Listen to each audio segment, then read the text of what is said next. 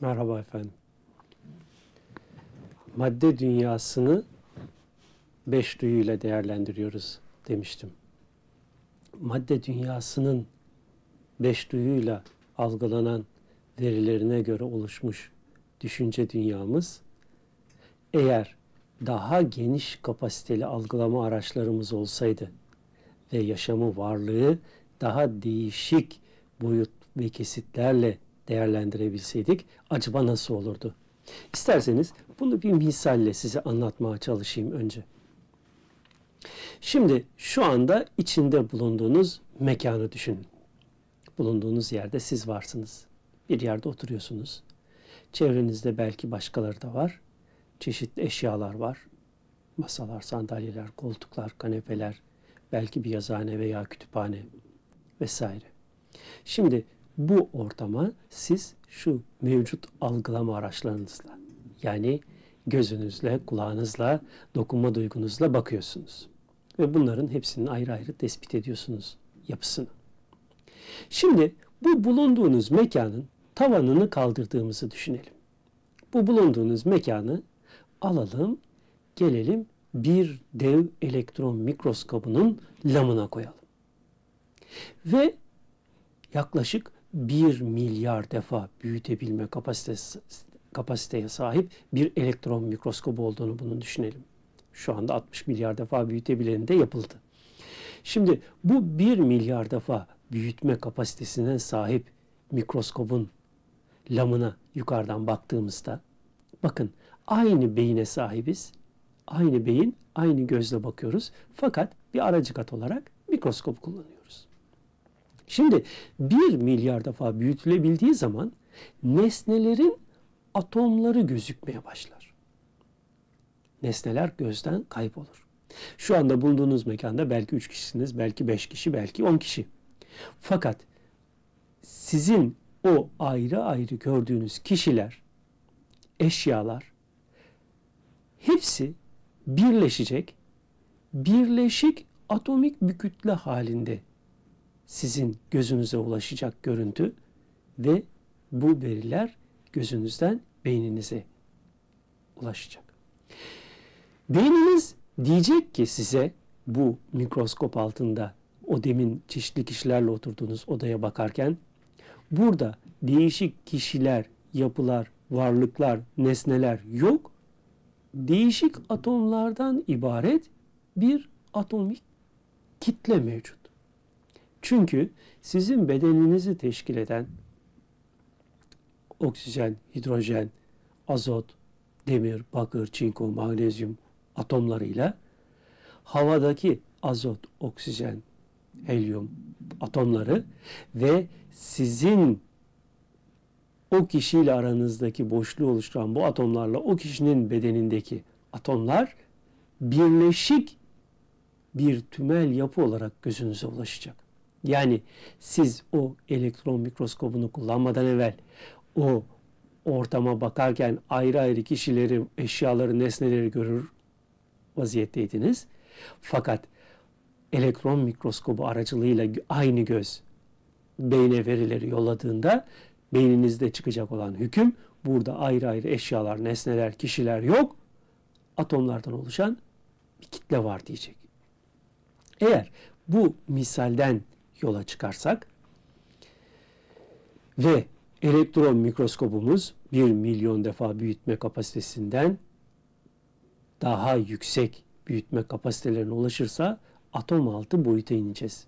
Atom altı boyutta çeşitli dalga boylarından oluşan birleşik bir tümel yapı hükmünü vereceğiz. Yani varlık esasında sonsuz dalga boylarından oluşan sonsuz türler, birleşik yapılar şeklini gelişecek. Şimdi esasında bizim eski değerlere göre dünyaya ve yaşama bakış açımızda en boy derinlik dediğimiz bir kavramdan oluşan bir evren vardı. Ve biz evreni hep sonsuz uzaklara giden en boy derinlik kavramı içinde değerlendirebilen düşünce yapısına sahiptik. Halbuki çağdaş veriler insana atom altı boyutun yani çeşitli boyutların varlığını gösterdi. Bu boyutlar şu anda mevcut. Geçmişte de mevcuttu, gelecekte de mevcut olacak. Ve biz bu geçmişte ve gelecekte mevcut olacak olan boyutları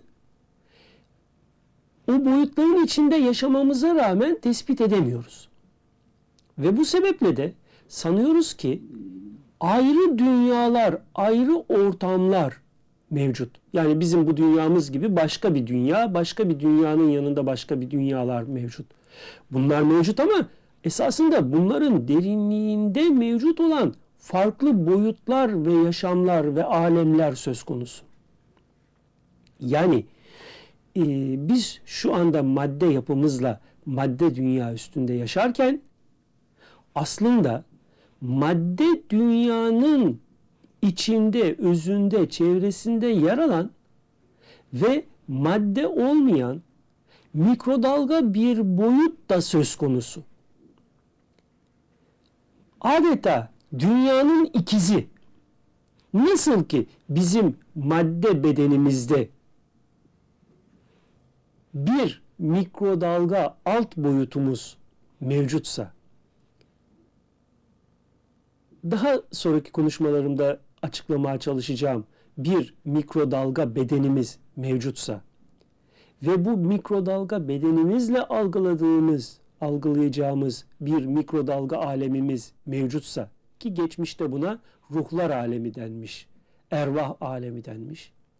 Mevcutsa bunun gibi dünyanın bir mikrodalga ikizi, bunun gibi güneşin bir mikrodalga ikizi ve bunun gibi evrendeki yapıların mikrodalga ikizleri yani bir değişik boyutları söz konusudur. İşte ölüm ötesi yaşam gerçeği esası itibariyle bu mikrodalga ikizler olan değişik boyutlarda devam eder gider. Yani şu anda ölümü tatmış, aramızdan ayrılmış insanlar bu dünyadan ayrılıp başka bir dünyaya gitmişler, orada yaşıyorlar değil.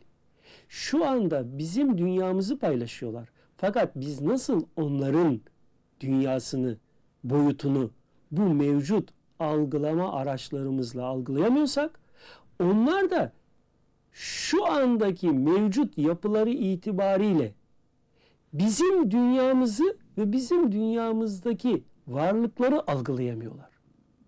Ama aslında gerçekte bizim dünyamızın mikrodalga ikizinde yaşıyorlar onlar. İşte e, bundan evvelki konuşmalarımızda bahsetmiş olduğumuz güneşin cehennem olması olayı güneşin görünen bu bizim gözümüzle tespit edilen yapısı itibariyle değil, mikrodalga ikizi itibariyledir. Ve o mikrodalga ikizi itibariyle güneşin boyutları da çok farklıdır.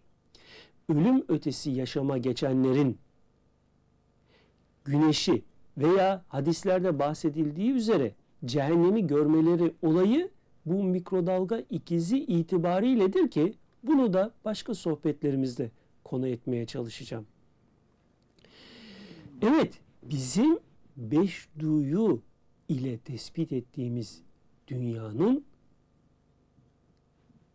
ikizi olan boyutta yaşayan varlıklar da söz konusu. Ki bunlar Kur'an tabiriyle melek veya cin diye bahsedilmiş varlıklar.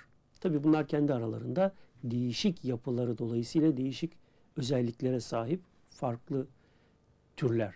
Bunları da yine bir başka sohbetimizde inşallah ele alacağız. Bu akşamlık da bu kadar olsun efendim. Hoşçakalınız.